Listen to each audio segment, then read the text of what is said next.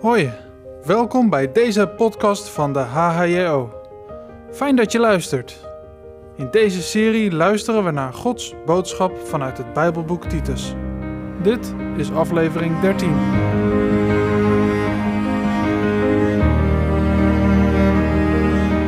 We lezen nu eerst samen Titus 3, vers 1 en 2. Lees je mee? Vermaan hen dat zij de overheden en machten onderdanig zijn, dat zij hun gehoorzaam zijn, dat zij tot alle goed werk bereid zijn, dat zij niemand lasteren en geen vechters zijn, maar bescheiden zijn, alle zachtmoedigheid bewijzende aan alle mensen.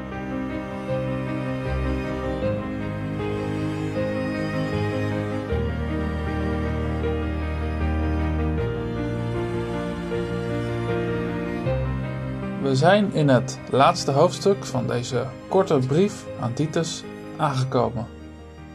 Het laatste stuk van het vorige hoofdstuk ging over de zaligmakende genade die aan ons mensen verschenen is. En dat we juist daarom geroepen worden om goede werken te doen. En daarop gaat dit hoofdstuk verder.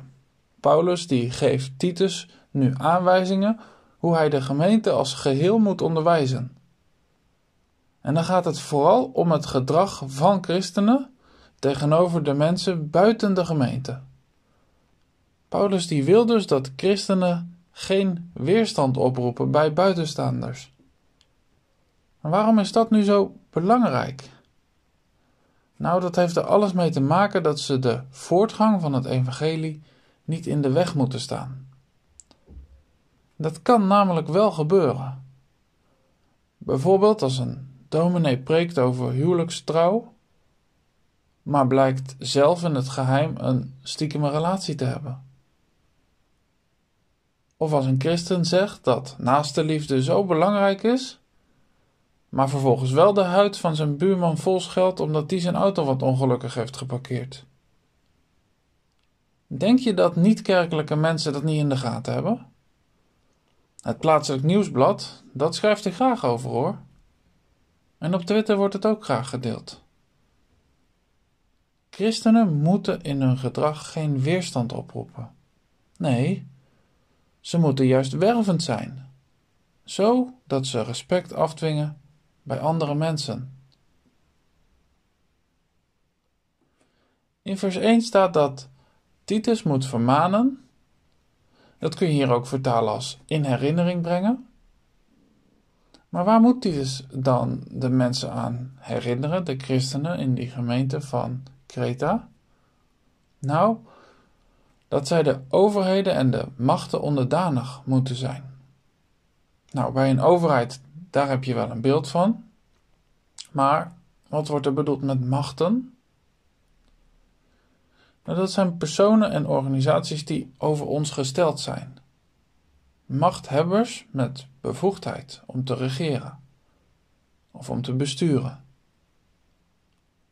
Wat opvallend is, is dat de Heer Jezus ditzelfde grondwoord gebruikt als hij zegt in Matthäus 28: Mij is gegeven alle macht in hemel en op aarde. Zo zie je dat alle machthebbers in deze wereld uiteindelijk onder de macht van de Heer Jezus staan.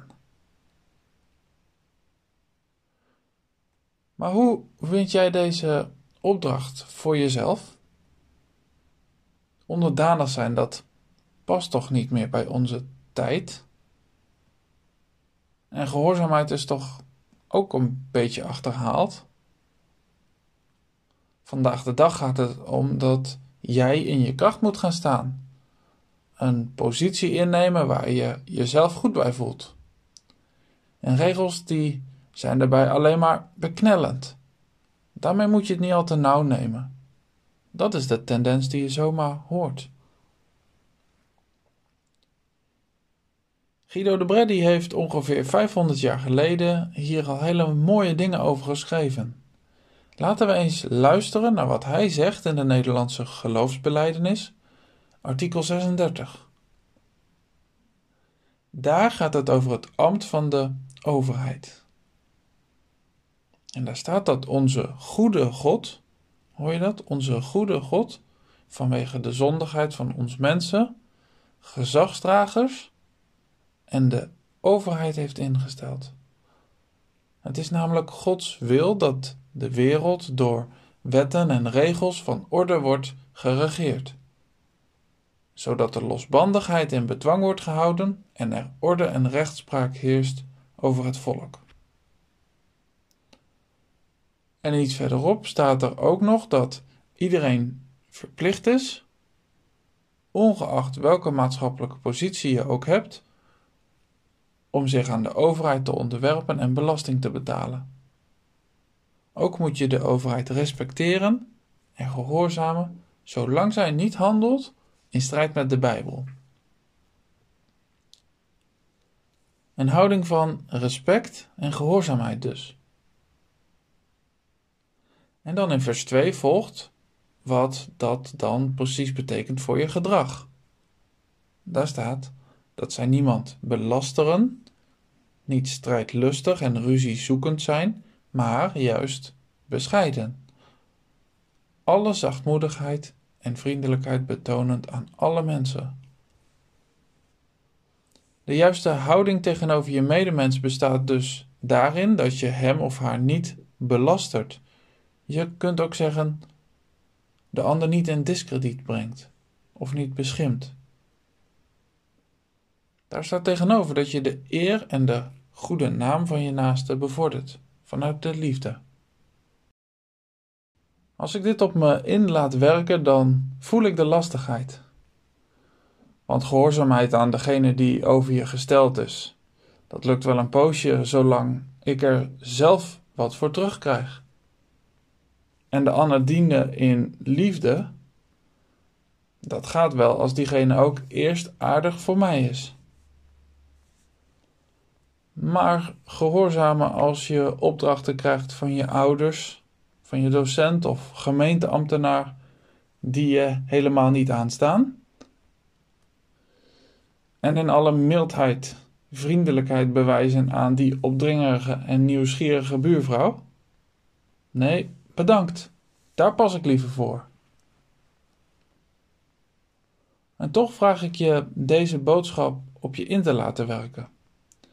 Stel je eens voor dat alle christenen dit heel precies zouden gaan opvolgen.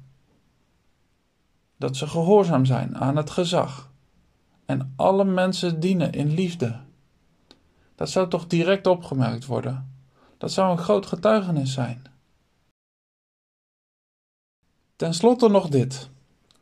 Je denkt misschien, het klinkt als dressuur. Welk gedrag wel hoort en wat juist weer niet. Het lijkt alleen over de buitenkant te gaan. Dat kan ik begrijpen. En toch gaat het een heel stuk dieper. Als je de Heere, de hoogste koning van het heelal, lief hebt gekregen, met heel je hart, dan heeft dat toch ook gevolgen hoe je met aartsgezag omgaat? De Heer Jezus die zei toch dat we aan de keizer moeten geven wat voor de keizer is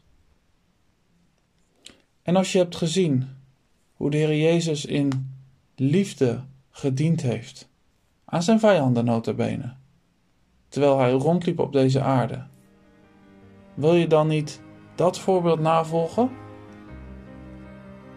Zie je, het is geen trucje. Onze verhouding met onze naaste wordt juist gestempeld door de verhouding tussen God en onszelf.